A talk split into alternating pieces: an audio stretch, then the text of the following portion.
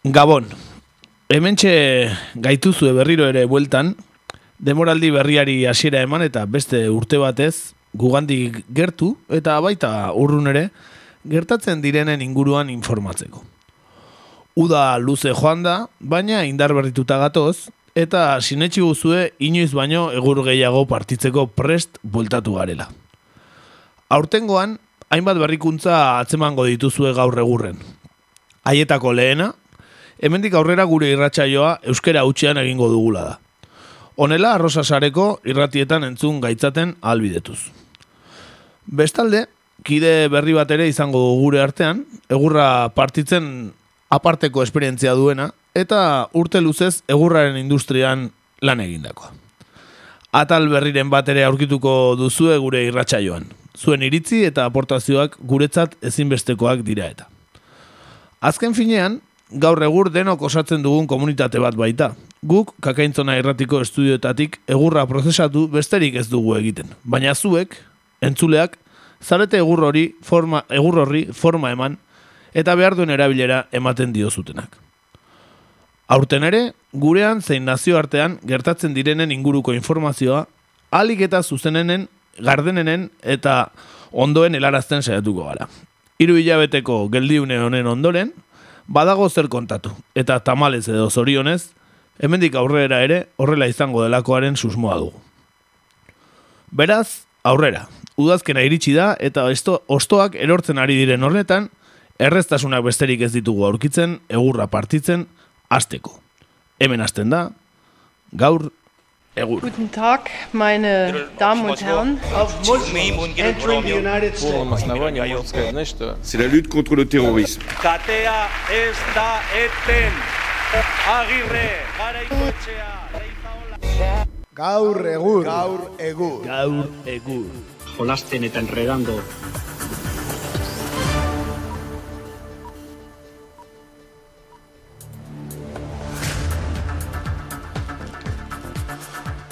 Ba, kaixo entzule bai, ba, berrikuntza berrikuntza asko, baina sintonia momentuz ez dugu aldatu, eh? Guten tag eta hortxe hortuzar eta iturgaiz jolasten eta enredando eta dana batera.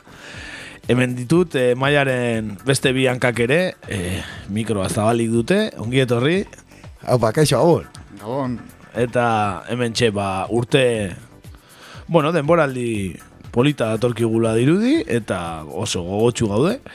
Ia urriaren amabosta da, baina, bueno, irrati libreetan orantxe hasten da denboraldia. E, orantxe, pretemporada ere ez dugu egin, eta, eta zuzen zuzenean, ba, irratxa egitera. Bai, normalean oso zuzenak izaten gea eta algrano juten gea, ezta? Orduan, ba, bueno, pretemporari gabe, zuzen zuzenean, ba, egurra partitza etorri gea. Hori da. Ba, besterik gabe, ba, atalak ere antzekoak ditugu, e, bertan gaur, nazioartean gaur, sare sozialak, baina badugu berrikuntza txiki bat. Izan ere, ba, batzuek jagingo duzuen bezala, aurreko irratsaioetan ere aipatu izan dugulako noiz bait, ba, Twitterreko kontua badauka gaur egur irratsaio honek, arroba gaur egur deitzen da, jarraitu nahi bai gaitu zuen. Eta ba, pentsatu dugu, ba, urrengo denboraldi honetan, ba, astero inkesta bat egitea eh, Twitterren, eta galdera bat e, zabaldu, sare sozialetan, eta ea ba, entzulek zer erantzuten duten. Aste osoko epea emango diogu inkestari, noiz nola ba, podcastez edo beste egun batean zuzenean entzuten ez dezuen ez duten entzako. Eta ba, besterik gabe galdera luzatuko dugu eta orantxe bidaliko dugu. E, Beti ez? adibidez, bai, beti, astero botako dugu bat, batzutan humoretsua beste batzutan ez, ba, lehenengoa, bueno, humorearekin egin dugula esan daiteke. Bai, bueno, apur bat, ez? Apur bat izan da. bai. Eta, bueno, nola, ba, Vox alderdia ez, e, Santiago Abascal gure lagun minaren e, alderdia, ba, izpide dan aste honetan ez, benetan sanguratsua izan da, ba, Voxei buruz esan diren guztiak, ba, guri galdera bat otu zaigu. Izan ere, ba, ez dakigu zein izan daitekeen Voxen lehendakari gaia e, Euskal Autonomia Erkidegoko urrengo hauteskundeetan aurkeztuko balitz. Eta, bueno, lau aukera ba, okurritu zaizkigu, ba, izan daitezkeenak, ez? Ba, Bai, pro, probabilitate, ez? Probabilitateetan sartzen dienak edo kinieletan sartzen bai, dienak, ez? probabilitate handia daukatenak, e, ba, boxeko lehendakari gai izateko. Bueno, ba, ondoko hauek eh, jarri ditugu, lehenik eta bain Enriqueta Benito, unida alabesako buru izan zen emakume jator eta finura. Duari gabe, eh, hortxe geditzen da, Enriqueta Benito beraz eh, lehenengo aukera. Gero gure herriko semea den Josu Jon imaz, eh, ba, Euskal el, enpresari nagusienetakoa bihurtu zaiguna. Osea, doble J imaz, bueno, ixe bigarren aukeran. Hirugarrena, ba, ba, el señor de la guerra ere deitu daiteken Rodolfo Ares, ezta? Eh, Ares ere, ez, hori zan, ez? Gerraren jainkoa edo. Duari gabe, eh, gaur bankioaren seri estena. Eta laugarrena eta niretzate baza handiena dituena, eh, ba, E, EH Bilduko burua izan zen? EH Bilduko Eh, sortuko burua, sortuko sortuko burua. burua izan zen Asierra Raiz, ere izan daiteke. Nordaki, transfuga bat beti egon daiteke, ez? Nik uste baietz. Beno, ba, zabalduko dugu orentxe bertan Twitterren eh, galdera, eta, ba, gogoa baduzue, ba, erantzun, eta ea, zein den, ba, gure entzulegoarentzat, boxeko lehendakari gaia izateko boleto gehien dituena. Eta, galdera, orantxe zabalduta, ba, mendik aurrera, ba, bertan gaurrekin, ja, formato normalean pasako da gara.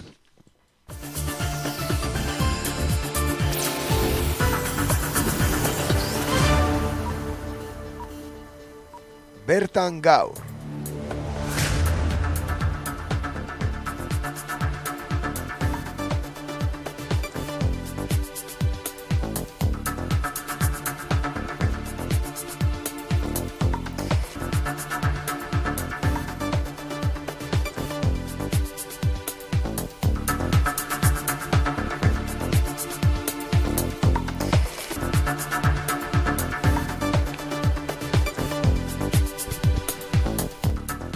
Beno, ba, bertan gaurre atalari ekingo diogu, eta, ba, esan bezala hiru hilabete luzte pasadira irratxorik egin gabe, eta horregatik, ba, gaurkoan bertan gaurreko gai bakar bat jorratu beharrean, ba, pentsatu dugu denbora epe honetan gertatutako batzuek zerrendatzea, eta baita denboraldi honetan, ba, ziurrenik izpide izango ditugun beste gai batzuk ere aipatzea.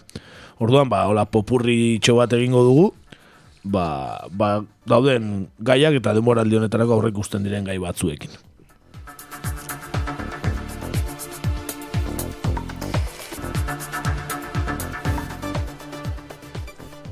Kabakaz hauzea. Sei urte eta erdiren ostean, gaur goizean hasi da, inigo kabakaz aletekeko zalearen eriotza argitzeko epaiketa. Sei ertzain daude hauzipetuta, eta hasi dira deklaratzen.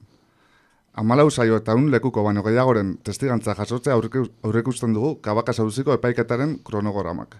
Gaurtik, azaroan behartzi da, luzatuko da, eta bizkaiko auzitegiak ebatziko du inigo kabakaz bilbotararen hilketan ardurarik izan zuen ala ez, auzipetutako sei ertzainek. Inigo kabakaz, 2008ko aprilaren bostean zauritu zuen ertzainak jaurtitako gomazko pilota batek, eta bost egun geroago hil zen kolpearen ondorioz. Bilboko entautxo auzoan kaldezulo batean jaurti zuten gomazko pilota, Atletiken Europako Ligako partido baten ostean. Kabakasek hogeita zortzi urte zituen. Eta hemen daukagu, ba, historiara pasaden audio hori, ez da? E, ba, nola ugarteko, famatu egin den horrek ere, nola esaten duen entrar con todo, eta sabra desmaiau, eta horrelako, eh, astakeriak, ez da? Ba, bueno, epaiketa gaur hasi da, eta ba, askotan entzungo dugu audio hau, Bai, azpimarratzea ugarteko ez dagoela sei ertzain akusatuen artean. hori da, hori da. Ba, orduan eh, entzungo dugu orantxe bertan, ba, audio hori. Pues hágalo usted, entre usted con su furgoneta y con la otra, porque hay dentro dos furgonetas que están cargando y pidiendo apoyo. Salgan de las furgonetas y desplieguense en la Rico. Bien, le comento, vienen más, más recursos de refuerzo. Aquí en principio la situación está controlada. Es gente que está dentro de la zona y en principio es que aquí realmente no estamos... Ahora mismo no hay ningún, ningún altercado. Eh, ahora enseguida le comento. A ver, le repito las órdenes para que queden bien claras. Se lo acabo de comunicar al suboficial de grupo que está trabajando. Entran al callejón con todo lo que tenemos, entran a la Rico, controlan la situación y los que haya eh, que puedan ser posibles agresores se les controla o se les echa. Y se toma toda la posición. Y entonces estará la situación controlada. Suave, suave, suave, suave, suave. Estamos entrando, ¿eh? Estamos entrando. A ver, Huarteco, mande un alfa, mande un alfa aquí, hay una persona herida. Aire Huarteco, tenemos controlada la zona, más o menos. Que una ambulancia que no tiene ningún problema, ¿de acuerdo? Es un ciudadano, sí. No sé si es un pelotazo o se ha no sé. Vale, vale, se habrá desmayado. A ver, Huarteco, eh, la situación controlada, lo único mande un alfa, ha debido recibir algún pelotazo. Mande un alfa.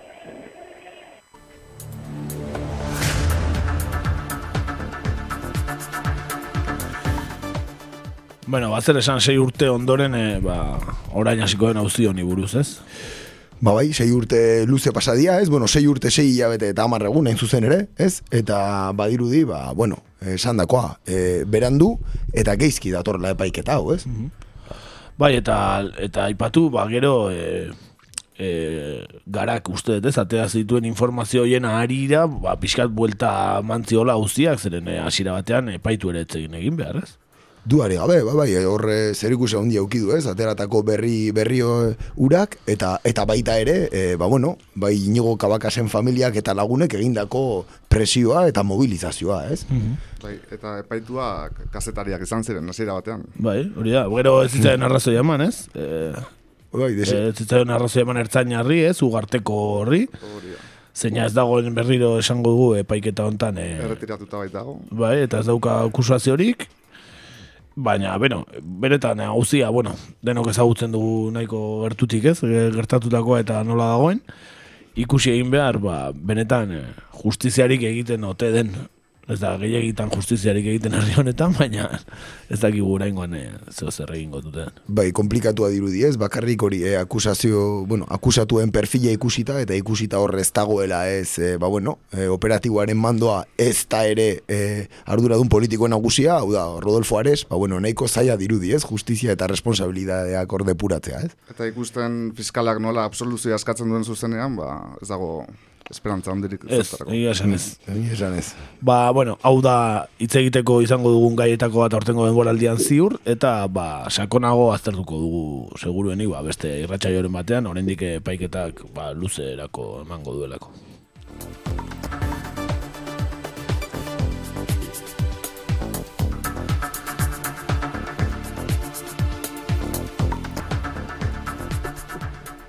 Bueno, eta aste honetako albisteak eh, errepasatuta, ba, bueno, ikusten da urten ere, ba, behin baino gehiagotan, eh, hitz egin beharko dugula eraso matxistei buruz, baita sistema heteropatriarkal honi buruz ere, bai? E, aste hontan, e, ba, bueno, e, gertaera ugari egon dira, Bilbon, adingabe bati egindako sexu erasoa salatu egin dute, amabi urteko neskatuari egindako erasoa larun batean e, gertatu zen, elkarbanatutako etxe bizitza batean. Argitaratutako informazioaren arabera, gizonezkoa adingabea e, zegoen gelan sartu eta bortxatu egin zuen. Bestalde, eraso matxista ere salatu du emakume batek e, laudion. Beste alde, bi emakumek ere eraso matxistak jasan dituzte, Durangon eta urnietan. Durangoko kasuan, erasotzailea emakumearen bikotekidea da, eta urnietakoan aldiz, bikotekide izandakoa. Azken honek emakumearekiko urruntze agindua zeukan ezarrita. Azaroaren zazpian, jakingo da bestalde, e, Iruñako talde bortxaketaren epaiaren kontrako elegiteen ebazpena. Behin ebazpena publiko egindakoan, auziaren gaineko sententzia hilabeteren buruan emango da jakitera. Azpimarratzea gutxienez, zazpi direla urten Euskal Herrian indarkeria matxistarekin hildako emakumezkoak. Bueno, ba, berti ere urtero jorratzen dugun gaia, tamalez, eta gainera ez doana, zifratan ez doana, bera, eh? Ez da gutxiago ere, ez? E, bueno, ba, askotan hitz egin dugu, ez? Pandemia bat dirudiela, e, hauek Euskal Herriko datuak, e, estatu mailakoak, bai, estatu espainiarrekoak eta estatu frantsesekoak ez dira hobeagoak, eh? ez dira hobeagoak ez da gutxiago ere, eta, eta bueno, ba, hainbatetan eta hainbatetan gure gure programan e, komentatu dugun gaia da, ez? E, etengabe hor dagoena, ez? Desgraziz. Bai, bai, eta etenik ez daukana, urtero gomitatzen ditugu ba, eskualdeko koordinakunde feministako lagunak eta abar, eta, bueno, ba, pedagogia asko dago egiteko, eta tamalez asko daukagu ikasteko oraindik, eta sistemak berak, eta ez epaitegiek, ez, ez agintariek ez dute gehiegi egiten e, gauzako bera joateko ez da ere ez. Ba ez, e, kasu, ba hoxe ez, e, iruñako, ba bueno, ez, talde bortxaketaren inguruan gertatutako guztia ez. Hori da, la manada edo bezala ezaguna dena, ba hori, esan bezala, ba datorren hilean, eh? pare bat aste barru, hiru aste barru, jankingo da elegitearen ebazpena, ez? E, elegiteak aurrera egiten duen edo ez. Eta ja, benetan e, epai, epaitzen dituzten izan zenagatik, ez? Bortxaketa, bat, talde bortxaketa bat, ez?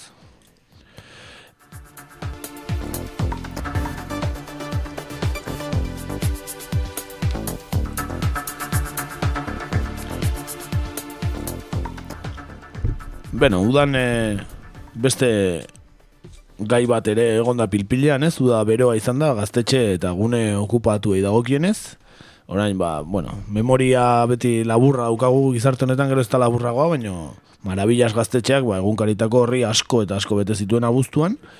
Eta donostiako parte zarrean ere, eraikin berri bat okupatu zuten, e, uda partean.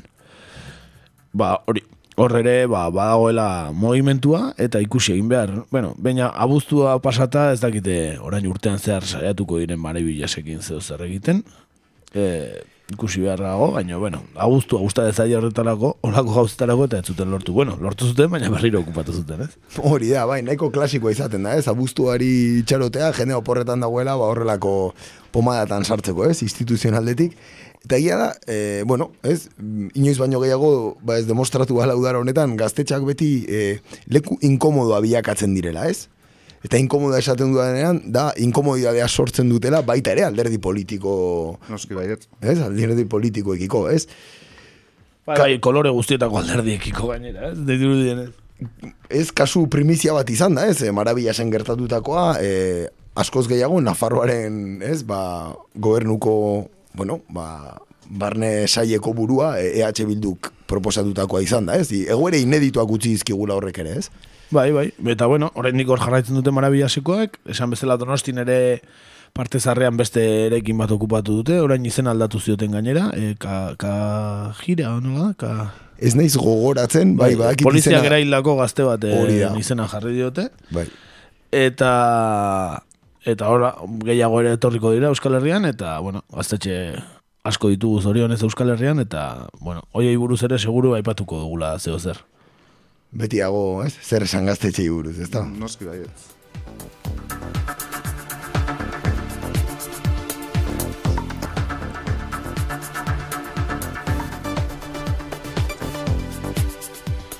Beste gai klasiko bat, e, urtero urtero jorratu duguna eta urten ere tokatuko da, dudari gabe, ba, Euskal Preso Politikoen e, gaia da, eta urtengo duen boraldian ere seguru hitz egingo dugula. Euskal Preso Politiko ei, zigorrak pilatzari buruzko epaia ere kaleratzea da, e, o kaleratu dezakela ematen du giza eskubideen Europako auzitegiak, hainbat preso jarritako elegitea ontza jo bai du Estrasburgok. Eta horren bestez, beste herrialde batean betetako zigorra kontuan hartzearen aldekoa izango omen da ebazpena.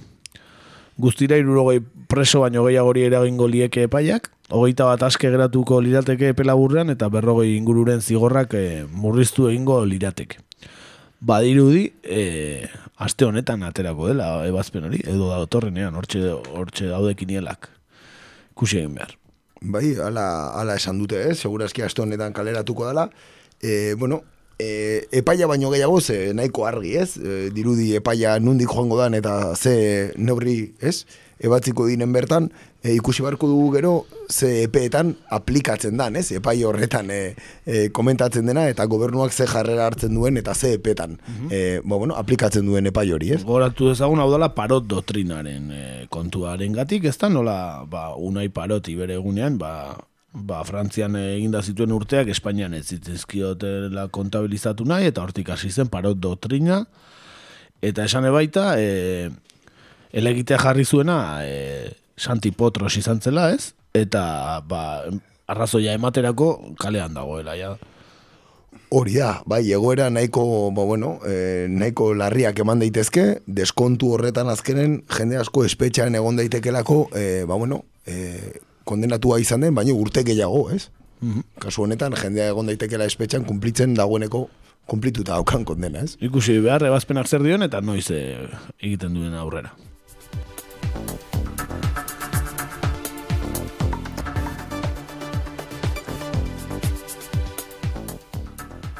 Bueno, eta horrengo gaia, errauskailua, Ba, epaiek arrazoi eman diete errazkin eta intxaurran dietari erraustegia gelditzeatzen delitua izan. Uriaren hogeita zazpian, arratsaldeko bosetan donostiako mendeurren plazan, manifestazioa izango da errauskailuaren aurka. Ba, bueno, beste klasiko bat ez, eterik ez daukana, ez dakigu noiz bai geldituko den obra, edo bukatuko duten, edo zer gertatukoen. Egia dena orantxe paitegiek arrazoia eman dietela errauskaioa gelditu zutenei, edo kontrakoa dena, suapen bidez e, horrelako ziginkeriak egin zituzten aurreko aginteriei ez diela arrazoiek eman, ez? Ba bai, ez hor...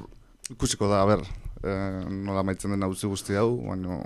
Baina seguruna bukatuko dute errauskailua egiten, ez? Hori da, Beti bezala. bai. Bai, horre, horrela izaten da, ez? Badirudi arrazoia asko ematen direla, ez? Ez, ba, bai, egia da geizki egin zutela, e, ez? E, bueno, hauei arrazoia ere eman zieten epaitegietan, baina beso ejekutiboa ez dira beraiek kasu honetan, eta ez, horregatik boleto esenteare, ez? Errauskailua ere Bai, hasteko. aipature bai, ba, orain hilabete dola, joan zirela zubietara, ba, bueno, konzentrazio bat edo martxa bat egin zutela, eta ertzainak eh, gogor eh, hartu zituela, eta jipoitu zituela ba, bat baino gehiago, eta bideoak ere badaude interneten eh, ikusi nahi dituen entzat. Beraz, hauzia irikita dago, eta gaina etzaile bat ere gustatzen protestak egitea honen arira, eta ertzaintzaren jarrera ere gogorra izan zen, eh? Bai, egia esan, ez, hor nabarmentzen da, ez, askotan, e, ba, bueno, batez ere Eusko Alderdi Jeltzaleak, e, bueno, proiektu estrategikoa daukanean e, gobernatzen duen lurralde batean, e, bueno, ba, e, Euskal Autonomia Erkidego mailan adibidez abiadura handiko trenarekin gertatu den bezala, ez, ba, nik uste dut gipuzkoan errauskailuarekin, e, bueno, esaten den bezala, kueste lo que kueste, ez, e, jungo direla. Aipatu baita ere, e, geroz eta informazio gehiago bateatzen dela, Europan izten ari direla arrauskailuak, arrazoi desberdinegatik, ez dalako biablea, ez dalako osasuntxua, e, eriotzak ere sortatu dira e, langileen artean, Beraz, Europan izten ari diren bitartean, ba, Gipuzkoan e, oso modernoa garenez, ba, irikitzen ari gara.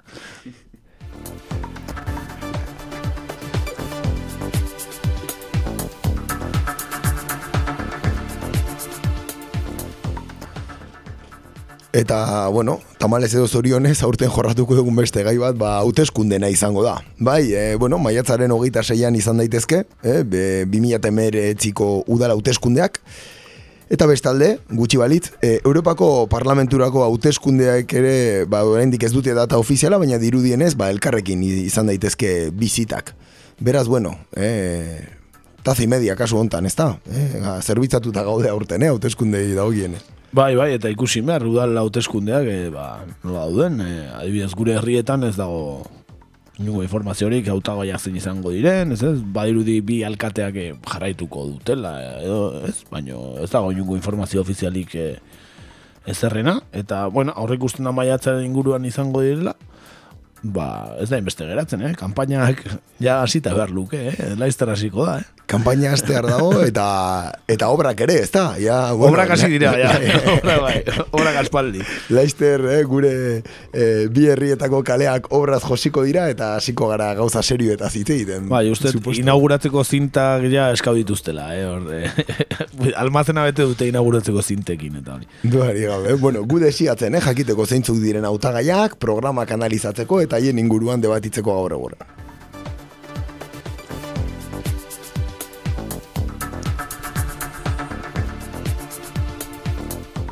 Beno, beste gai bat, e, etenik ez duen atamalez, ba, altxasuko gazteena da.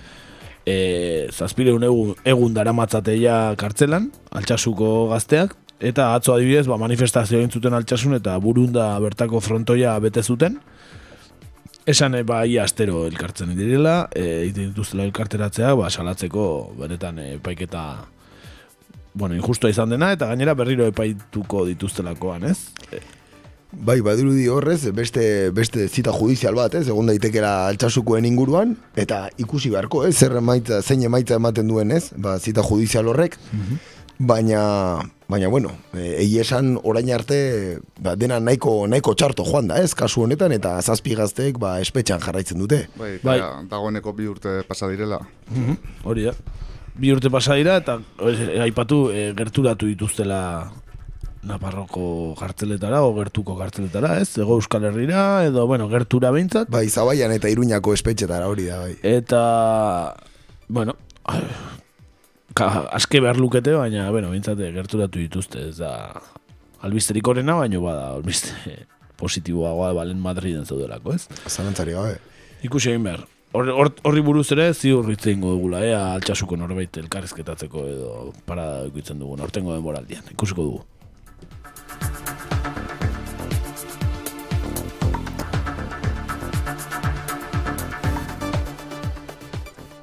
Bueno, orain historia pixka bat, e, historiari, historiari ere, errepaso egingo diogu denboraldi honetan ere. Adibidez, gaur duela goita urte, Josean Lasa eta Josi Zabalaiez laritolosarak, baitu zituzten bai honan. Gal taldearen lehenengo ekintzan. Ba, horixe, horreko urteetan ere noiz bai jorratu izan dugu, ez, efemerideren bat denean, ba, bueno, ba, Euskal Herrian gertatu diren kasu desberdinei buruz, Horatzen naiz e, zabaltzaren aipatu genuela, uste dut, iez, e, gero etaren historia ere bai, eta beste... Pasaiako badian Pasaiako gertakari ere bai. Bueno, beti daude horrelako gauza gogoratzeko uneak ere, eta aurten ere seguru jorratuko dugula horrelakoren bat.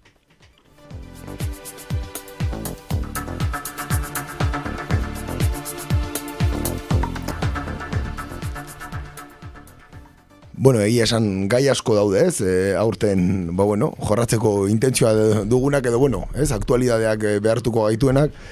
Baina, bueno, e, aipatutako eta aparte, ba, egia da mugimendu asko dagoela alde guztietara, ez? Urte nahiko, nahiko betea datorrela ematen du, hm? e, adibidez pentsio dunen inguruan, ez? E, mobilizazioek jarraitzen dute, jarraitzen dute presio egiten, ez? Bilbo referente gainera bi- bilakatu da estatu osoan, ez? Bai, Euskal Herrian dago movimendu handiena, ez? Pintxe nuna, e, aipatu urretxu zumarragan ere, astelen elkarte, elkartzen direla, eh? E, hor e, potroseko plazan, hasi que... Eta hor jarraitzen dute, beraz, bueno, pentsio dunen kontuarekin ere, ba, adi egon beharko. Mm? E, bestalde, bueno, e, hau nahiko ba, isian, ez, e, egon da, baina urrengo urtean Euskal Herrian jezortziko gaiur nagusia, eh, izango da miarritzen. Uste jezazpia dela orain. Ah. Errusia bota intzuten. Er, Vale. Uste, uste jezazpia dela. Errusia bialdu intzuten edo, ez? Obama zegoenean bialdu zuten, ez? Bai, ez dakigu, ez, orduan Vladimir gonbidatuko duten edo, ez? Ikusi behar, ikusi, ikusteko. Hago, igual, Donald, Trumpekin ondo amaten da, ba, ikusi behar. Bale, bueno, e, zazpi magnifikoak behintzat eukiko ditugu, ez da? Hori da, Macronek antolatuta, ez? Frantziar estatu antolatu du, eta miarritzen e, egingo dute. Ados, eh? 2008ko abuztuan, ez, okerrez banao. Hori, hori, ala ematen du bai. Mhm, Ados, bueno, ba, hoxe, miarritzen izango da, lehenengo aldia izango da e, jezazpia ba, miarritzen Euskal Herrian, ez, biltzen dela, eta, bueno, ba, horren arira seguraski asko izango dugu hitz egiteko, eta, bueno, e, gainean egongo gara. Mhm, Oraindik pixkat urrutik geratzen dugu, baina pentsatzen dut urrengo uda berri aldera eta ba, jendea hasiko dela mobilizatzen eta gauzak antolatzen. Mugimendu egongo da beraz, e, alor horretan ere. E, bueno, zubietara bueltatuz, kasu honetan ez goaz erroskailuari buruz itzita, baizik eta kartzelataz hitz egitea, e, zubietar gaixoak, e, kasu honetan, dena tokatu zaie. Mm? Bai, bai, kartzela errauskailua danetik, eh, ematen du, Marinador Ciudad de Vacaciones, gaur irakurri Twitterren, eh, ematen dula zubietak, eh, sal, saltzeko moduko dauki, eh, Turi, turismo bulegoek eta saltzeko modu dauki zubieta. E, Laizter eh, ane gartiburu azalduko da, haien anuntzio ematen. Eh? Seguruna, seguruna. Esan bezala hoxe ez, badirudi aurreko astean ez, Marlaska, bueno, barne ministro famatuak komentatu zuen ja martxan zegoela, e, ez badut geizki oroitzen irudun presoentzako leku eukiko zuela, eta bueno, ja pixkat gauza ba, azkartzen duala zentzu horretan.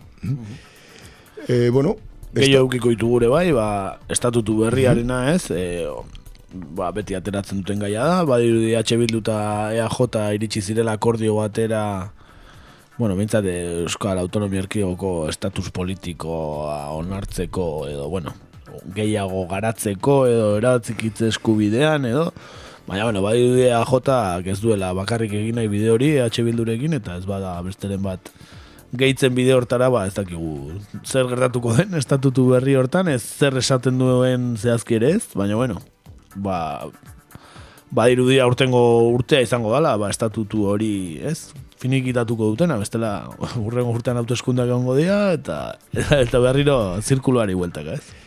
Bai, nahiko lan eh, aurreko estatutuarekin berriari buruz adostasunetan, eh, iristeko, ez da? Hori da. Bueno, gainean izango gara horrere, ez da?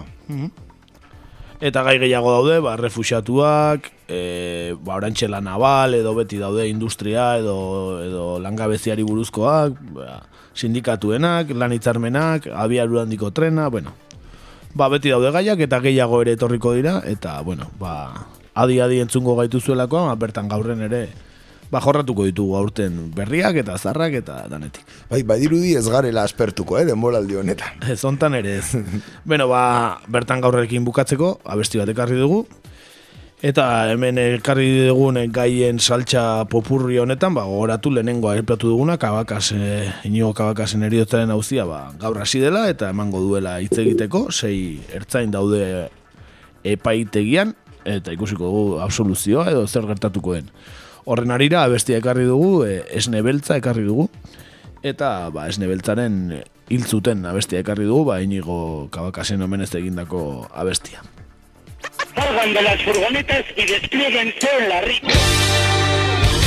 Y desplieguense en la rico. la situación está controlada. A ver, les repito las órdenes para que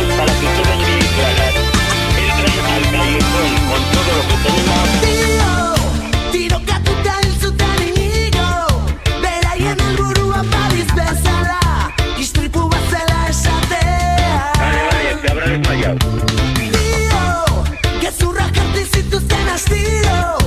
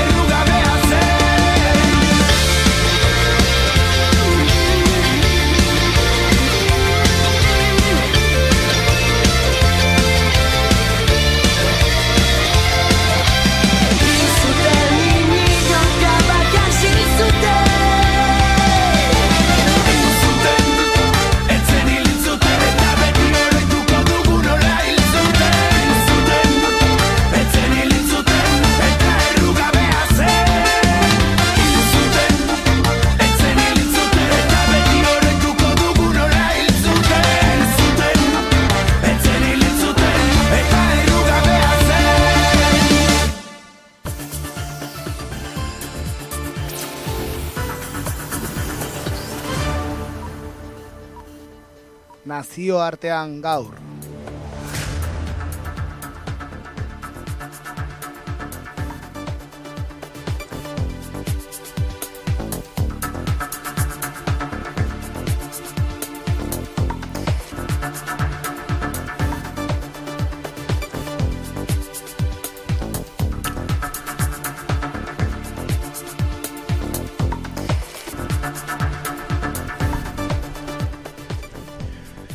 Bueno, ba, hemen txeguaz, eh, gure nazioarteko atalarekin. mm? Eta, bueno, ba, urten ere, ba, bueno, astero mundun zehar eh, gertatzen direnen ba, berri alik eta oberen ematen saiatuko gea, bai? Mm, batzutan hori, gai zehaz bati helduko diogu, eta beste batzutan, ba, hainbat gai tratatuko ditugu. E, dakizuenez askotan, ba, eguneroko berriek markatzen digutelako programaren formatua. E, beraz, ba, bueno, denetarik aurkituko ez dute gure nazioarteko atalontan. Gaurkoan, ba, bueno, bertan gaurren egin dugun moduan, e, ekainetik ona izandako gertaera nagusiei ba, gure errepasoa egingo diogu.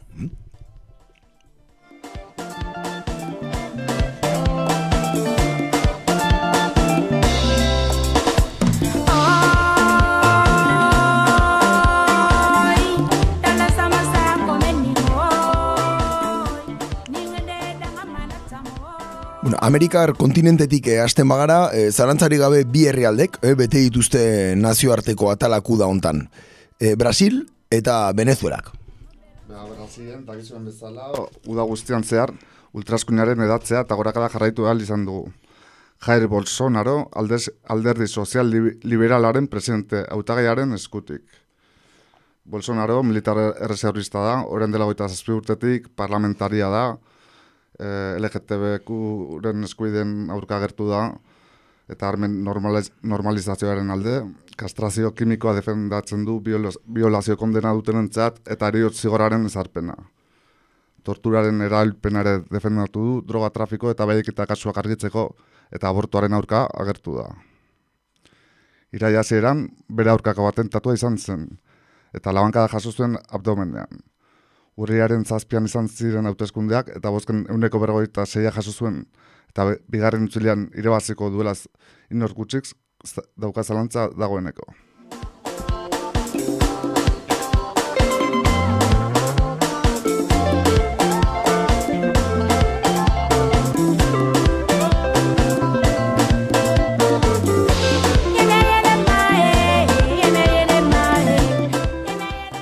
Esan bezala, ba, Brasil eta Venezuela izan dira Amerikar kontinente hontan, e, ba, uda hontan e, pilpilan egon direnak, eta Venezuelan, ba, ba, esan bezala, uda beroa izan da, aurtengoa, eta ez klimatologikoki bakarrik.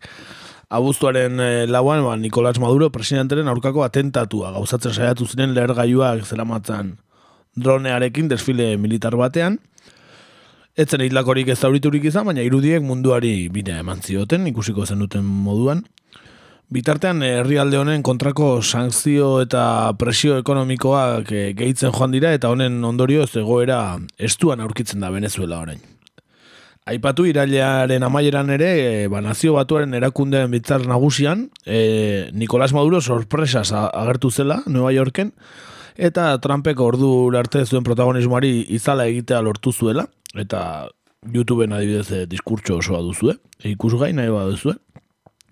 Amerikan gertaera gehiago ere izan dira da honetan, ba, Nicaragua, Estatu Batuetan, e, Mexikon, baina, bueno, ba, gehiago ere etorriko dira eta aktualitateak ezakigu nora eramango gaituen aurten ere, baina ziur, Venezuela eta Brasilera, baietz.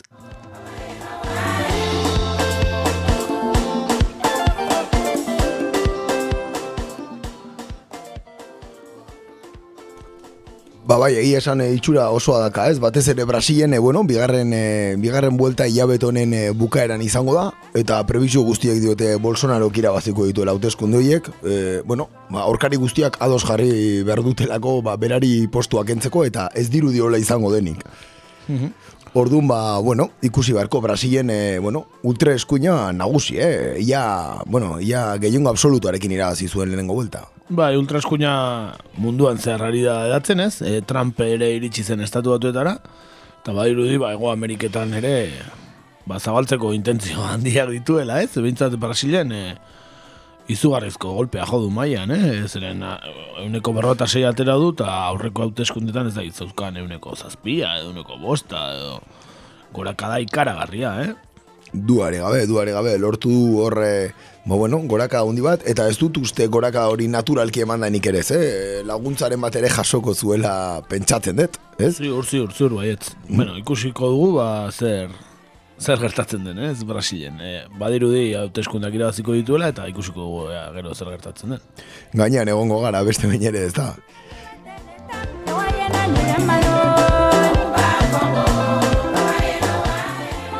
Eta Venezuelaz, ba, zarrak berri. Ba, hori da, ez, eh, zer esan, ez, Venezuelaren inguruan, ez, beste behin ere, ba, bueno, bueno, kasu honetan Maduroren kontrako atentatua nahiko ikusgarria izan zen, ez, oso... Eta, eta berriro ere, ba, kinkalarrian, eh? sanzioak alde batetik, eh, presio internazionala, eh, Ego Amerika osoan ematen ari den, ba, ez? Eh, involuzio horren barruan, ez? Ba, Venezuela lehenengo biktima, ez? Esango dugu, bueno. Eta orain inflazio ikaragarriarekin, e, eta her- herritarrak segun zen elikagai ezin erosita, e, bi txamponekin, e, Venezuelan, bueno, ba, bastante gauza gertatu dira udan, eta egia esan ez daude egorerik onenean, ba, petroleoaren prezioa ere eroi, erori egin dalako, eta Venezuela petroleoaren prezioa eroitzen denean, ba, sufritu egiten du. Hori da, bai, bai, horrela, ezin argi, eh, argiago esan, vamos. Ya no koe, akuya beona. Ya chama ya no koe, ya akuya beona. Muévelo, muévelo, muévelo,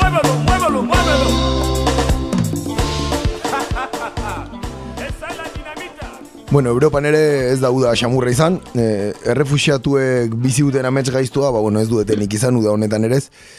E, Espainiar, Italiar edo Greziako kostetara iristeko haien bizitza. Arriskuan jarri dutenak, milaka e, izan dira, eta zenbaki ofizialen arabera dagoeneko bi mila baino gehiago dira urten Mediterraneo itsasoan itotako pertsonak.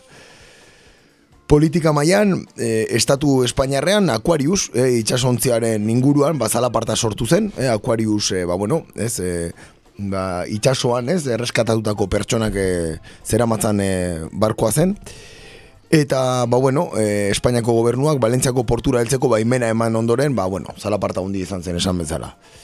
Guzti honekin, e, lotura zuzena izan du ere Italiako barne ministro berria den Matteo Salvini, e, ultra eskuindar famatua. Italiar portuak errefusiatu entzat itxi ondoren, eh, hainbat gobernuz kanpoko erakundei santzioak eta trabak areagotzen ari da. Beraz, bueno, Salvini ez daka nahikoa portuak istarekin, baizik eta orain, ba, bueno, eh, incluso herri bateko alkatea espetxera sartu dute, ez? Eh, immigrazio ilegalarekin kolaboratzagatik. Bueno, ba, hor, hor aurkitzen da Italia, ez, momentu honetan. Ba, batez du inguru honetan, bi, bi mila eta meretzeko maiatzen izango diren hauteskunde Europarak helburu, Europa mailan dauden alderri ultraeskundarak indarrak, ar- indarrak batzen daude. Ba, pasaren astean Marie Le Pen eta Mateo Salvini bera patzartu ziren erroman, eta askatasunaren frontea deituriko ekimen politikoa jarri dute martxan, Europa osoko alderdi ul- ultraeskundaren indarrak optimizatu, optimizatu eta kohesionatzeko. Ba, kontuan izan behar dugu, bai Ungarian, bai Polonian ultraskuniak bakarrik gobernatzen duela, eta Austrian, Belgikan, Finlandian, Danimarkan eta Letonian gobernuaren parte direla. Eta bestalde, uda honetan, Alemanian, txemnitzen gertatutako istiluak, Grezian urazko egun sentia, alderdin neonaziaren erasoak, edota Estatu Espainiarrean, boxen gorakadak. Udazkena eta negua mugituak izango direla, aurrek usten digute. Beste hainbat gaiek ere zelera sara eman dute, uda guztian zehar, nola ez Katalunia, Brexita, Estatu Espainiarraren kloaketatik iritsitako informazio berriak, e, ba, ministro desberdinak, e, ba, nola, komisario hau, e, bilarejo, komisarioekin, bai. e, egindako bilerak eta bar, alderdi popularren buruzagitza berritzeak, Saudi Arabiari saldutako misilak, bueno, Europan eta Estatu Espainiarrean ere, ba, baude, jorratzeko gaiak, eta agian ba, nagusiena, ba, aipatu dugun bi hoiek ez nagusienak errefusiatuena, eta ba, ultraskuina gogor dagoela Europan, eh? Bai, bai, eta, eta oso goran gainera, ez? Gogor eta goran, ez? E, Kasu honetan, geroz eta herrialde gehiagotan beraien bozkak dezizioa dira, ez? Bertako gobernua mantentzeko. E, bueno, e, erresuma batuan Brexita forzatu zuten, ukipeko famatu urak, ja inorkestakin nun daude, baina behaiek forzatu zuten erreferenduma eta Brexitaren krisi guztia. Brexitaren ere aurten e, gertatuko da, ez? Mm. Dirudien ez, ez dakit oraindik nola egingo duten, zein e, erabaki hartuko dituzten mugetan Europako beste herrialdetako nazionalitatea dutenekin, eta abar, baina, bueno, ba, irudi aurten egingo dutela bintzat. Bai, okerrez banago martxorako uste dut dagoela data topea, eta hor berri ere, ba, arazoa, ez? Ipar Irlandako muga famatuarekin, Bai. kontutan, ez? Hartu behar du Teresa May gobernuan dagoela, e, Ipar Irlandako unionisten bozkekin. Mhm. Beraz, nahiko arazo sortu daiteke horren arira. Ikusiko dugu Brexitarekin ere zer gertatzen den bai. Eta ultraeskuindarri dagokionez, ba, bintzat aipatu, ba, aste honetan ikusietela, ba, estatu Espainiarrean, espainolak esaten dutela, Europa guztian ultraeskuindorran fenomenoa oso indartsu dagoela, eta Espainian ez ez. Grazia pixkarintzean. Egia esan, hombre, zik uste, eh, benetan, eh, indartsu ultraeskundarra Espainian aspalditik egondala, baina, bueno. Desde luego, Espainiako ez, diskurso hori oso eh, antologikoa da, eh? eh ultraeskuinak Espainian ez duela, ez duela lekurik. Eskerrak. Ikusi behar, eh, Europan gaudenez, eh, Euskal Herrian, eh, bentsat Euskal abertzaletasunean, eh, orain ez dagoela horrelako movimendu ultraeskuindarrik, ez? Ez dala ikusten. Nik dakidan ez ez, dena den... Bauzo den hor, gipuzkoa laro gaita sortzi eta horrelako, Bai, ez? Batzu, bai, baino. Nioen hasi deklaratuak, gero egia da, nahiko ez, pentsara ultraeskuindarra nahiko edatua dagoela, ez, gizartean oro ez, batez ere immigrazioaren kontuarekin, edo kanpotarren Bai, bai. kontuarekin, ez? Ba, baina, bueno, alderdi bezala ez da, ala, ez? Hori da. Eh, Ezingo dugu esan ea jota ultraeskuina denik, ez? Oraindik edo bai. Oraindik, zuk esan duzu, bueno. Hor utziko dugu.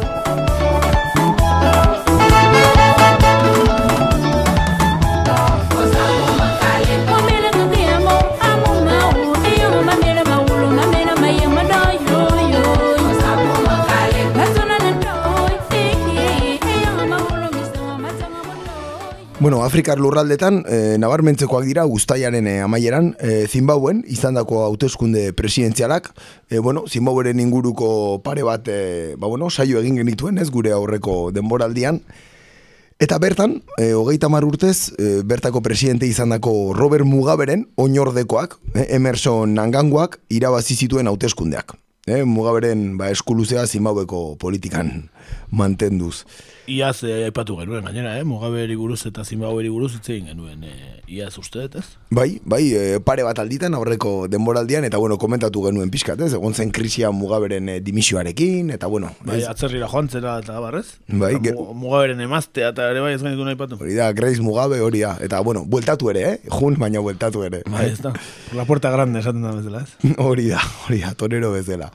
E, bueno, oikoa denez, ba, bueno, Zimbabweko hauteskundetan irregulartasun salaketa ugari egon dira, baina ez da inongo neurririk hartu hauen inguruko investigaziorik zabaltzeko, beraz hoxe, mugaberen alderdia berriro nagusi Zimbabuen.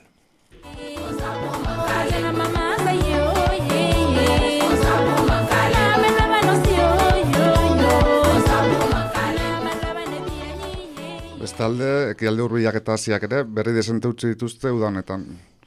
Siriako gerrak hainbat berri utzi dizkigu. Alde batetik, armada turkiarrak Afrien lurralde kurduan gauzatutako inbazioa dugu, bestetik, bestetik, aldasa den armadak fakzio rebelden aurka irabazitako hainbat fronte. Pasaden hilabetean, Israelek e- hegazkin militar Errusia bat ere bota zuen, amago soldadu Errusiar ez. Kontrobertsia handiko bertare izan naiz, izan zen, naiz eta tentsio diplom, diplomatikorik etzen izan. E, ekialde hurbilean jarraituz, Palestinan ere tentsioa areagotuz joan da, eta orain bost hilabete askatasunaren martxan izandako sarraskiak bere jarraipena izan du. Gazan izandako hainbat protestetan, armada israeldarrek ar- amarnaka palestinar erail dituzte horrez geroztik azken uda honetan. E, bueno, bertan mantenduz, zonalde hortan mantenduz, Yemeneko gerrak ere, ba, berriz, e, be- berri lasgarriak, e, usten jarraitu du. E, gaur egun, hogeita zortzi milioi e, Yemenien, euneko hogeita amabosta laguntza humanitariotik bizi da, eta bost urtetik beherako ume bat hiltzen da amar minuturo, Yemenen. Zortzi milioi eta erdi pertsonek, e, beraien urrengo otordua nola lortuko duten ez dakitela aurkitzen dira. Beraz, Yemeneko gerra, ba, bueno, areagotzen, e, beti ere, Europako hainbat estatuk beraien prezisioko misiak saltzen jarraitzen duten bitartean. Arabia Sauduri, ez, adibidez Espainiak. Kasu Espainia eta eta bere gobernua hori da. Hori da, seguru Euskal Herrian egiten dela misiloien zeo zer. Du, seguru bai. dudik ez dagat, bai.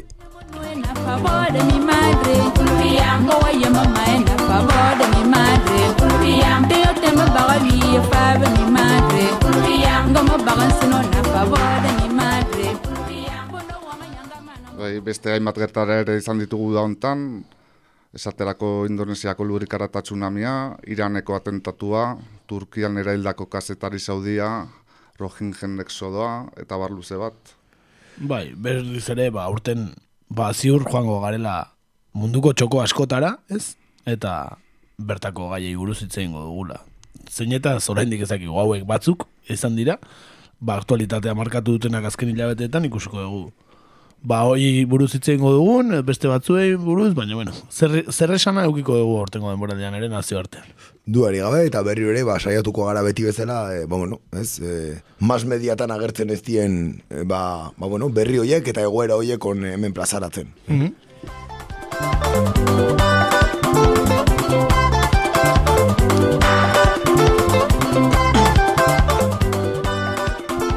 Eta horren horren adibide, munduko txoko desberdinetara goazenaren adibide, ba, gaur ba, gai bat jorratuko dugu, naiz eta labur izan. E izan ere, ba, aurreko ostiralean nola izan zen eh, el día de la raza, eta ez, espanitate eguna, guardia zibilen eguna, bueno, oso egun borobila eta asko gustatzen zaiguna ospatzea. Maitatua bai. Bai, era bat maitatua da non artean. Ba, bueno, beste men, bueno, urte hurren bat edo beste efemeride bat ere izan zen eta fondo otikan entzut de, zuten musika alai hau seinale, ba, nora goazen, Afrika aragoaz eta Ekuatore Ginea aragoaz.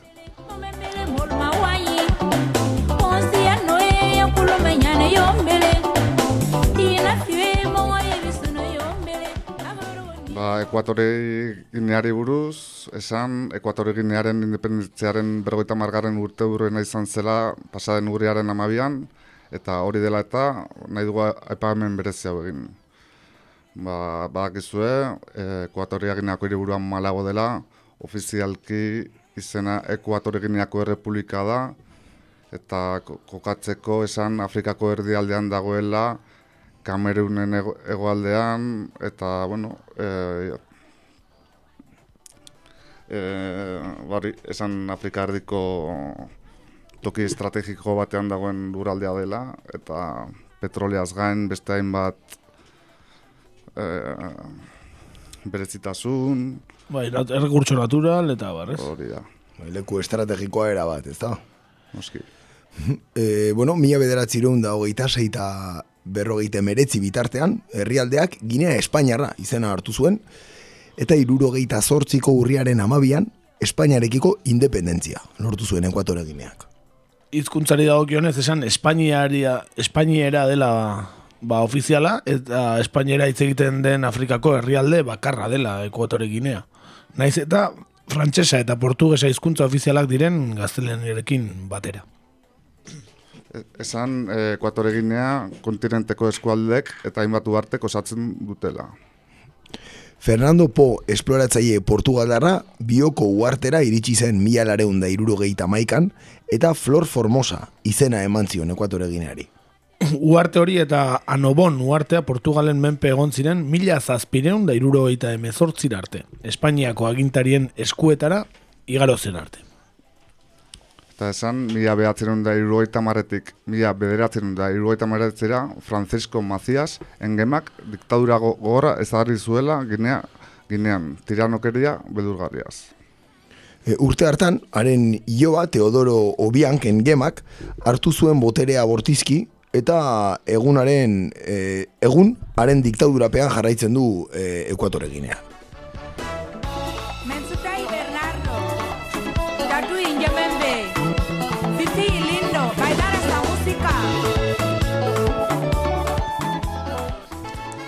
herrialdearen historia zaipatu dezakegu baita ere, Ekuatore Gineako gizarteak eh, Atlantikoko esklabo salerosketatik kanpo egon zirela mende luzeetan zehar.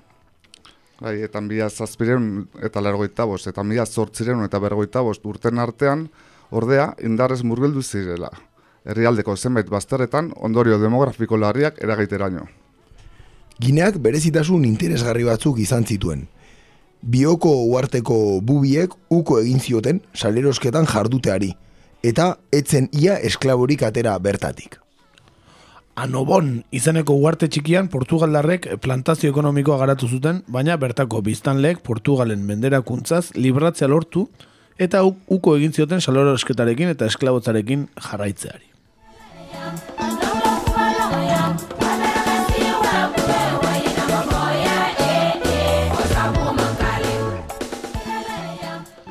Beno, ba, Afrika beltzean Espainiak izan duen kolonia bakarra, esan dezakegu dela, ez? E, Ekuatore Ginea. gaztelaniaz hitz egiten den e, gune bakarra Afrikan, Kanaria aparte. hori da, hori da. Eta eta ba horixe historia kuriosoa, ba nola esklabotzatik eh, li- bueno, ez ziren parte hartu, gero tarte batean bai, irla batean berriz e, uko egin zioten eta ez ziren esklaboak izan. Agian horregatikan ez dago hainbeste beltz e, Espainian konparatuta ba, inguruko Europako herrialdeekin, ez? Ba, bai, faktore garrantzitsua da, ez, kasu honetan, e, baiek uko egin izana, ez, esklaboen salerosketa horri, eta, eta bueno, ba, tragedia horretan parte hartzeari ere, ez? Aipatu diktadurapean jarraitzen duela, berrogeita urteren ondoren, e, Teodoro Bianek jarraitzen du, gero bere semea ere Bai. esaten dute dagola, ez? E, Teo- Teodorio izenarekin famatua dena. Teodorillo. Eta nahiko nuke esan, horrela datu bitxi bezala, bere semea, Teodorino Bianek, Iruñan bere ikasketak egin zituela Opus Deieko Unibertsitatean. Todo queda en casa. San Ferminetan ikusi genuen korrika, ez? Ez zen aurretik, uste. Nor daki, nor daki selfie bat ez zuen atera. Ba, mobilik ez zegoen garai hortan, baina hemen ikasitakoa da, eh? E, semea. Gure eskolako ardun. Hori da, hori da. Hori eskolakoa, eskola kristaueko, ez da.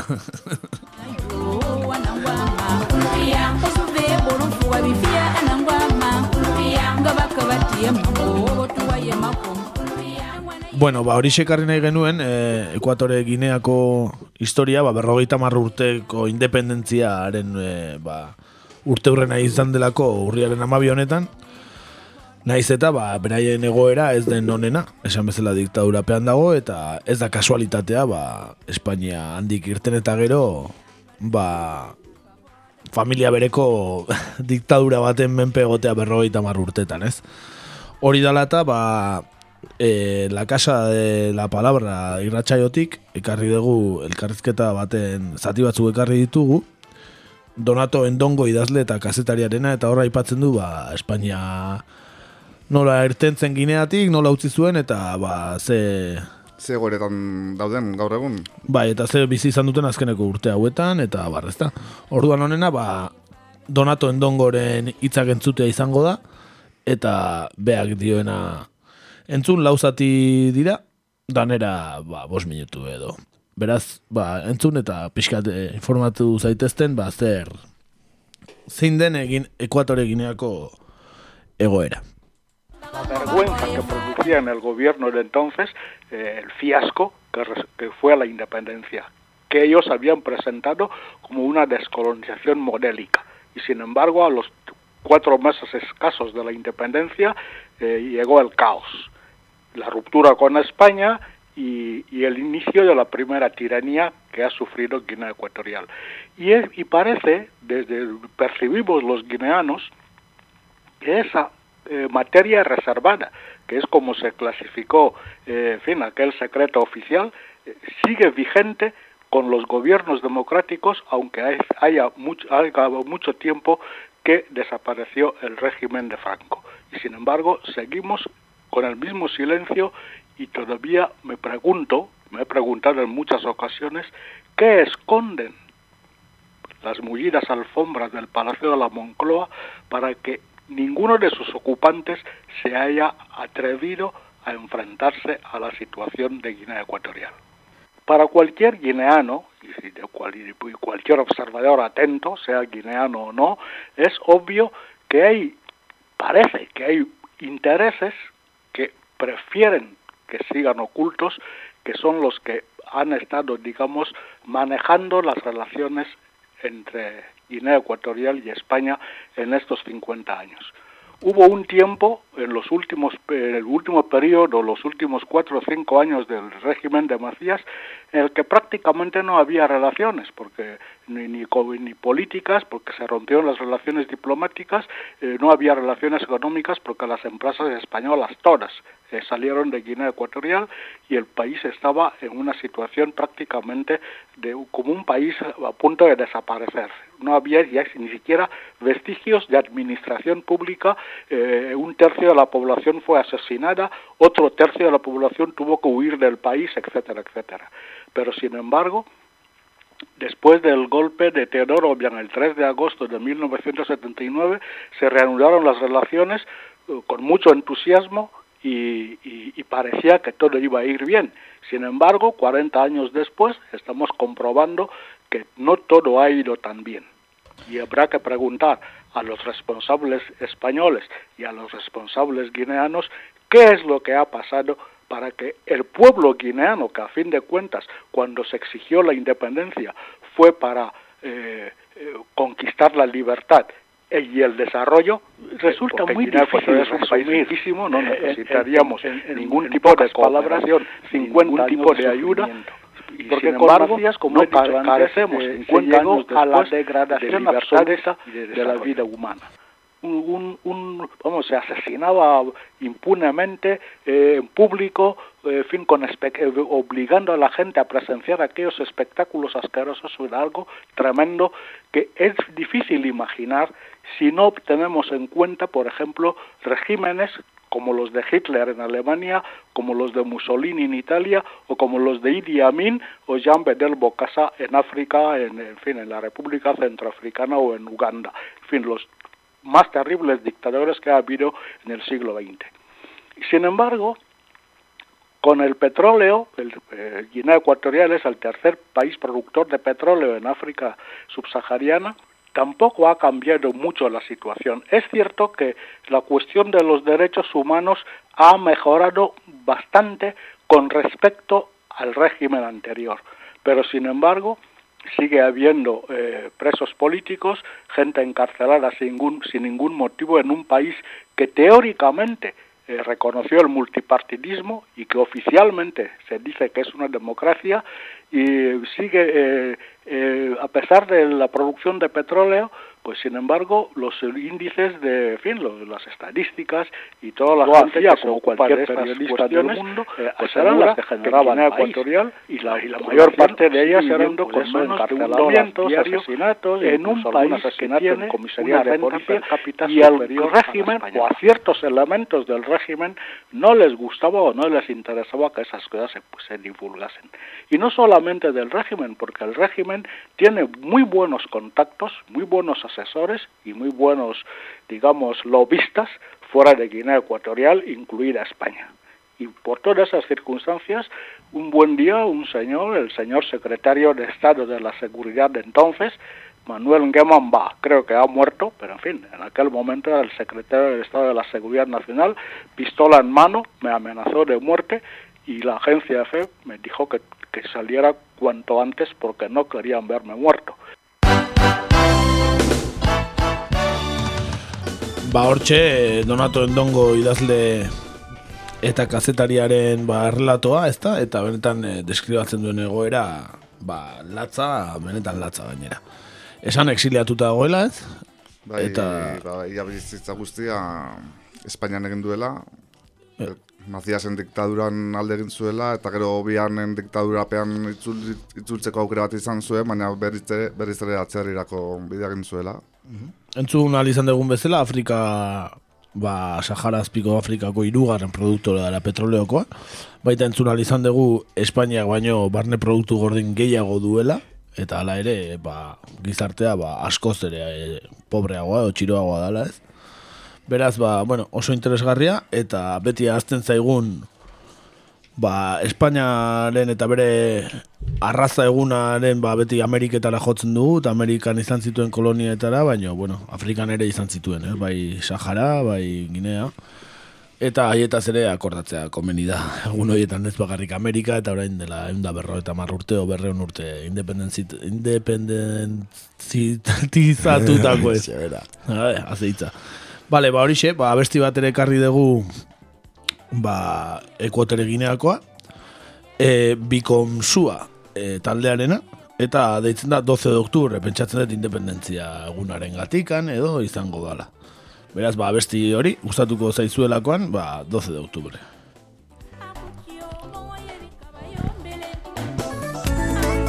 Estamos en estudio Mega X Digital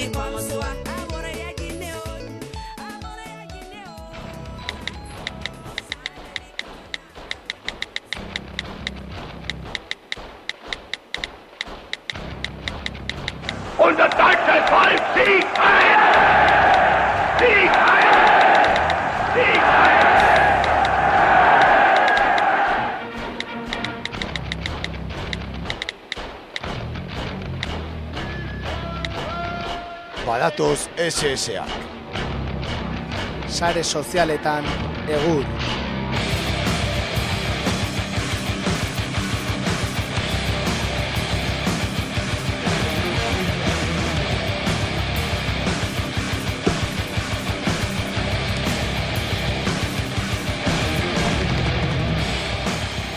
Bueno, sare sozialetan, ba, labur-labur, eh, ekarri ditugun batzuk aipatuko ditugu. Lehenengo ekarri duguna, Jagoba Zuluetaren e, tuit bat da, e, izan ere, ba, e, dono, ui, donostiko, gipuzkoako ba, inguru giro diputatu den e, Jose Ignacio Asensio, ez, errauskaloaren kontuakin eta bastante ateratzen dena, alderdi sozialistakoa, ba, bere, nola, Twitterreko perfila edo idazten da, ba, e, perfila edo, bueno, horren irudia zabaltzezun, eta ala jartzezun Jose Ignacio Asensio, diputado de Medio Ambiente y Obras Hidráulicas de Guipúzcoa, el reto, el reto de luchar contra el cambio. Es hora de actuar, sozialismoa elkartasuna elkarbizitza. Eta, bueno, ba, hori xe zion jago ez duletak, ez lapsusak, zure benetako xedea agerian uzten duenean, ez? El reto de luchar contra el cambio. No sona, eh? el, el reto de luchar por el cambio es co- contra el cambio dago, eh? eh alderdi sozialistako Jose Ignacio Asensio. Zu kostienteak hori, ba, parada txar bat indio. Usted, usted aldatu dula ya, eh? Por cierto. Por cierto, eh, el reto de luchar contra el cambio horrek grazia desenteaka, baina sozialismoak ere grazia desente. Sozialismo eh? elkartasuna eta elkarbizitza. A tope, Hugo Chávezekin horre, ona, ona.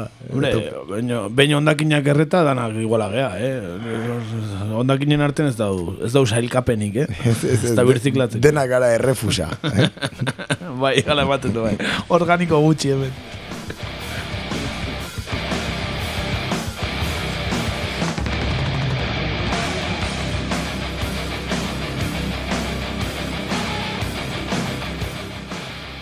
Bueno, Euskal Herrian eh, sare sozialetan asko hitz egiteko eman duen beste bat izan da, ba, Venezuelaren aurkako partida, ez Euskal Selekzioak eh, futbolean eh, jokatu zuen Euskal Selekzioa futbolean Venezuelaren kontrako partida gazteizen. Eta, bueno, ba, era guztitako komentarioak egon dira, ez? Ba, nola ateara zan e, Chavezen begia zituen pankarta bat eta palante Venezuela, eta nola Madurok ere tuit bat bidali zuen e, con un eh, saludo confraternizante con, con el pueblo vasco, eta ez dakiz zer, ez? Eta horrelakoak, ba, bueno, ba, Oian Vitoriak beste alde batetik hartu zuen, eta esan zuen, ba, nola kriminalizatu Venezuelarekiko elkartasuna, Euskal Presion eskubideen defentsa, ikurrina, estela da, edota Irlandako bandera bideo berean. Ba, lasestak minutu eskaz batean lortu du Euskal Selekzioari buruz, urtetan ikusi dudan kronika kutsa, kutsatuenetako batean. Egia esan, ekarri dugu kronika hori, e, la sexta ta, kateak egin zuen kronika, ba, ba, zeari buruz ez, e, partida horri buruz, eta entzun, entzun egingo dugu, zati benetan lo, lotxagarria, eh? egindan, e, e, bueno, egindan kronika la sextatik ez, bai, e, ezkertiar eta aurrerako hitz daukaten e, kanal hortatik, ba, benetan lotxagarria. Jarri zinturoiak eta maskaria, Hori, mesedez. entzungo dugu eta gero baloratuko dugu. Adi, belarriak. Menuda fiesta se montó anoche en la grada de Mendizorroza. El Euskadi Venezuela, una excusa para lanzar mensajes políticos, enseñar banderas de acercamiento de presos, esteladas y también mostrar mensajes de apoyo a Venezuela. Otra manera de celebrar el Día de la Hispanidad. Este es el aspecto de Mendizorroza, el Día de la Hispanidad. El partido entre Euskadi y Venezuela fue la excusa perfecta para hacer reivindicaciones políticas. Una de las principales, el acercamiento de los presos. Decenas de banderas con protagonismo para la Icurriña. Se vieron esteladas, incluso alguna irlandesa, pero ninguna española. Hubo cánticos contra España. Destacaron también los mensajes a favor de Venezuela. Esta imagen fue la más viral en las redes. Los ojos de Chávez y dos frases. Nicolás Maduro agradeció en Twitter estos gestos. Agradezco la solidaridad del pueblo vasco al manifestar su respaldo a Venezuela y a la revolución bolivariana. Un partido en el que la afición pidió también la oficialidad de la selección vasca y la libertad para los detenidos por agresión en Alsasua. Después de cada gol, la grada se iba encendiendo más y más. A pesar de que hubo muchos goles, el fútbol fue una vez más la política. Bueno, ba horixe, eh? Buah, chaval. Buah, chaval. Incluso Irlandako bandera bat, egon zan partido horretan. Y no había ninguna española. Joder. Ah, Ondo da nola remarkatzen gaina el día de la hispanidad, Hispanidad. eh? Hola, eh, arra jotzeko. Hau da, la sextaren ekarpena Euskal Selekzioari. Bai, hori da, ofizialtasunan, ofizialtasunan alde dago, eh, la sexta. Oso, oso kompletoa dena, eh? Jo, on- on- oso reportai ona, eh? Benetan, gure gustokoa. Grazia egiten ditena da, beti erabiltzen eh, se volvió a mezclar política con deporte. Esta, gero cuando juega la roja, no, es que ahí no hay, ahí no hay política, eh? Si beraien jokalari propioa pitatzen dituzte hor, piker eta horrela ez, pitau egiten dituzte, beraien jokalaria izan da. No hay que mezclar política con deporte. Jamás. Zelo txagutxi dauketen. Horregatik dago falangeko kide bat hor, ez dakit liga futbol profesionaleko, ez? De zuzendari moduan, ez? Bai, bai. Ángel Tebas, no? tipo hori, Tebas. Javier, o-. Javier Tebas, hori, hori, ez? Bai, falangista hutxa, ba, bueno. No ba. mezclemos fútbol y política. Agian eh, boxeko hautagaia izan daiteke, eh, No, beste bat, beste nun baiten. Zerrendako. Hori da. Beste hautagai bat. Hori da. Bai, bai, bai, eta aukera oso plausiblea gainera, eh? Bueno, ba, beste gai bat, bastante hitz egin dena Twitterren eh, azken aste honetan, izan da, ba, onintzen beitak eh, berrian idatzi zuen artikulu batena, ez? Eta Draza Mihailovicek erantzun egin zion, ez? Eh, Jarri zuen, atzo honintzan beitak esan zuen, hogei garren mendeko iraultzek ez dutela balio izan gizon txuri heterosexualaren hegemonia iraultzeko. Ez Errusian, ez Kuban. Ez da gaia, baina nago komunismoa errazkeria handi hartzen egurtzen dela mugimendu ziztxuri gisa. Hori zioen Draza Mihailovicek aria luzeagoa zen, eh, adibidea jartze zituen, bai, e, ba, Sovietar batasuneko adibidea desberdinak, ba, nola emakume eukizuten papela, edo homosexualei buruz, eta bar, eta honintza beitak ba, erantzun egin zion. Eta ez da pres nago, baina testuaren zati, baita testuaren zati batzuetan hanka sartu dudala onartzeko ere. Gauzak onela planteatzen direnean, eskerrik asko, ikasteko prest erantzun zuen. Bueno, pentsate, bueno, onartzea, e, gaizki esanak onartzea ere, ba, bueno, humanoa da, eta eta hartu beharko diogu. Duare gabe eta libururen bat ere irakurri daiteke noizan behin, ez? Ez da geizki etortzen. Batez ere, bueno, gure, gure irratsaio honetan adibidez, urrengo, osa pasaren denboraldian, hitz egin genuen, ez? Errusiar irautzaren egungarren urte muga, ez? Betezala eta guzti hori. Eta ez bana oker, mila bederatzirun da hogeita bigarren urtean, e, abortoa legalizatu zen, Sovietar batasunean, eta gizon eta emakumeen arteko salario berdinaren aldeko lege bat atera zen. Komentatzeko, eh? horrela, ondo dago ikastea eta jakitea ere, ez? Bai, eske batzutan ez dakit nik egunero edo astero e, gukari batean zutabeak idazten dituztenek e, ze punturaino idazten dituzten e, informazioa edukita edo idazten duten, ba, bueno, ba, sofan nengon eta gokurritu zait eta hau idatzi dut, ez? Bai, denen, hori bai, neko, ez, ez tartea, ez, zabaldu du bere artikuluak, batez ere, e, bueno, e, Che Guevararen urte mugan, ez, idatzitako artikulu batek, nun, bueno, ba, Che Guevararen balizko, ez, ba, e, nola esan, exceso sexualei buruzko, ez, ba, testu bat idatzi zuen, i- inungo frogari gabe, eta, eta bueno, ba, pixkat, ez, e, kalapita izan zen, ez? Bai, egia esan eukizun zer esana, eta, bueno, ikusi egin behar urrengo zutabeetan zer idazten duen eh, honintzak, igual modai buruz edo lehatziko du, zeren politikai buruz idatzi duena, ba, bueno, bastante zalaparta sortu du, eh? Bai, komunismo eta konsumismo ez dira gauza berdina, eh? Ez, eh, hitz bak- letra bakarra aldatzen da, baina ez du berdina esan nahi, ez da? Emango digu zer esan honintzak, seguru aski. Beti, Bai. Beti bezala. Hori da, bialduko diogu eh, mezuren bat entzun gaitzan eh, astero, astero, fin, fin.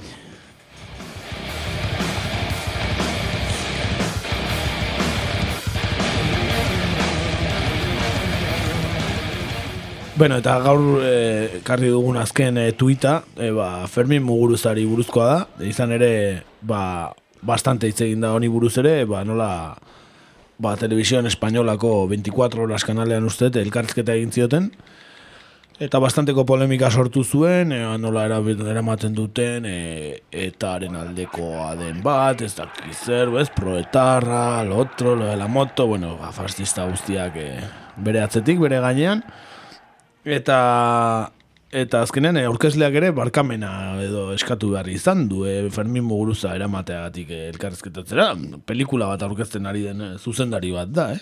goratu dezagun eta berak jarri zuen, bueno, ABCek zeukan jarrita ez eh, el televisión española lleva al proetarra Fermin Muguruza su esto, ez, ABC edo, eta Fermin Muguruzak erantzun ite zuen hori, eta esate zuen, y que conste que aparte de lo de Galindo que ganamos, nunca más me han denunciado por nada, panda de embusteros, esate zuen abeceri, ez? Ondo hau gauza berereku jartzea, eta... Ez que no, ez que jartzen zaituzte goiti bera ez dakiz eta arrazoi dauka. Ino- Inoiz ez dute zergatik epaitu. Gauza bakarra galindo hori buruz egindako abesti hura ez, ustelkeria abestia ez. Nun gero arrazoi eman zieten epaitegiek, beraz. Gauza dian bezala esan behar dira, ez badute inoiz ezertaz epaitu, ez dakit zergatik hainbeste etiketa, ez? Duari gabe, duari gabe. Jo, desde luego, eh, badauka, eh? Eh, nola esatea, espada de Damokles edo, ez? Gainean, Fermin Muguruza Bai, aspaldian. eh, Espainiar komunikadetan agertzen da bakoitzen, eh, zaio bai. gustatzen, eh? Zaio gustatzen. Zerbait ona egiten ari den señal izango da. Bai. da. Pentsatzen dut, bai, ez. Zeo zer, bai, bai. Oi hartzun handia dauka, ez, Espainian ere bere mezuak eta batzu etzaile bat ere gustatzen. Hori argi dago. Beno, ba, gaurko sare sozialetakoak hauek, e, datorren astean gehiago izango ditugu, baina sare sozialetan borbor da bilena, gure inkesta da. Dudik ez geneukan. Gure inkesta, eta orantxe bertan e, ba, aldatu egin dira proportzioak, eta esan dezakegu, ba, Enriqueta Benito inorrek ez duela ikusten, boxeko lehendakari gai bezala, izango da egian... Nik ikusten duen ba, eh? Bai, ba. igual izango da ema- emakumeak igual boxen ezin duelako izan hainbesteko papel garrantzitsurik, ez dakit. Ez dute ikusten emakumea boxeko lehendakari gai modura.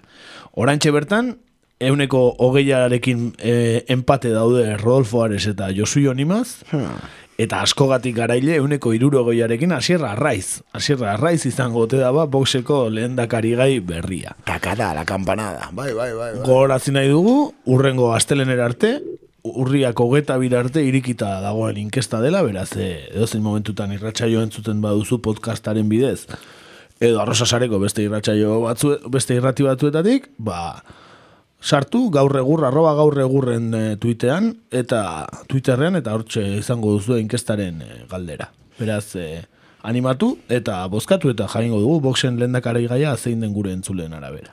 Hori da, urrengo astean, ba, bueno, primizian eh, erantzuna helaraziko dizuegu. Hori da, aipatuko dugu. Horatua, Enriqueta Benito, Josu Jonima, Rodolfo Ares edo Asier Arraiz, zein izango ote da EAEko boxen lehendakari gaia. Ikusiko dugu. Ba, besterik ez gaurkoz, hau izan da denboraldiko lehenengo irratsaioa, eta urrengo gaztean e, hemen izango gara fin-fin.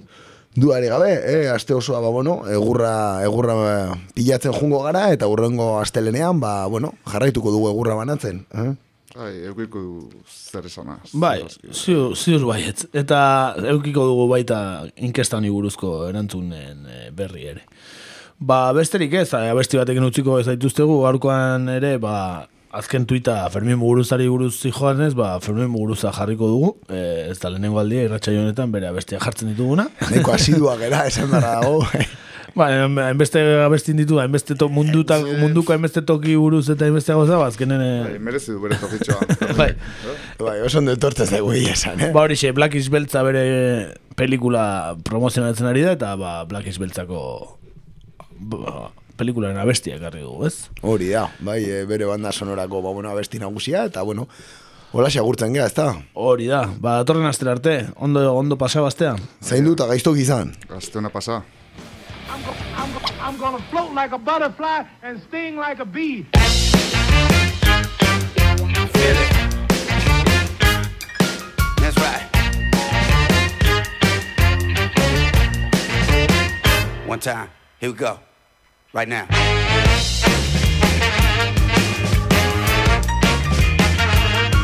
Hau zela Erraldoien historio bat. Hau zela Erraldopetzen historia. Hau zela Bandera zinak Martxan aurrera Iek ordea Ez batera dantzan. Nola zaten da Plak euskaraz When we were Erraldo erreginak Kings Queens. Frontatzen. Bere pausa paginales Erleak eran Zistatzeko prez Pantera beltzak Alimaton isan Hau du Jose Black and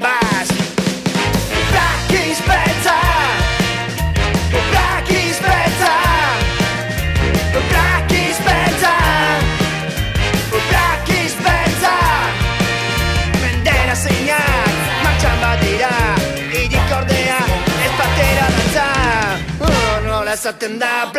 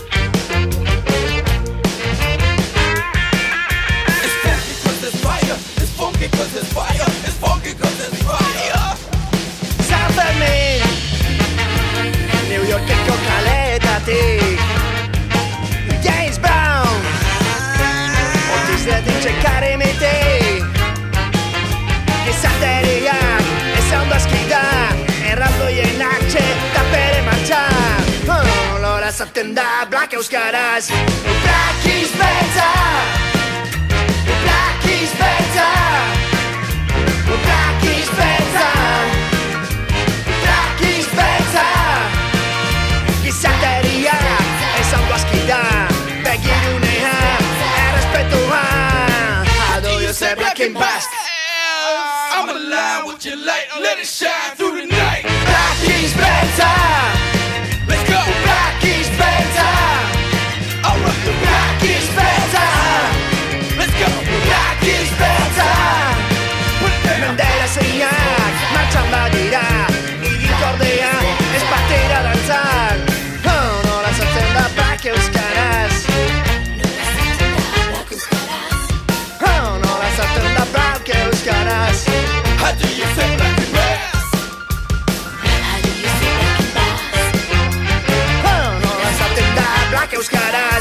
oh, How do you say Black and bass? How do you say Black and Basque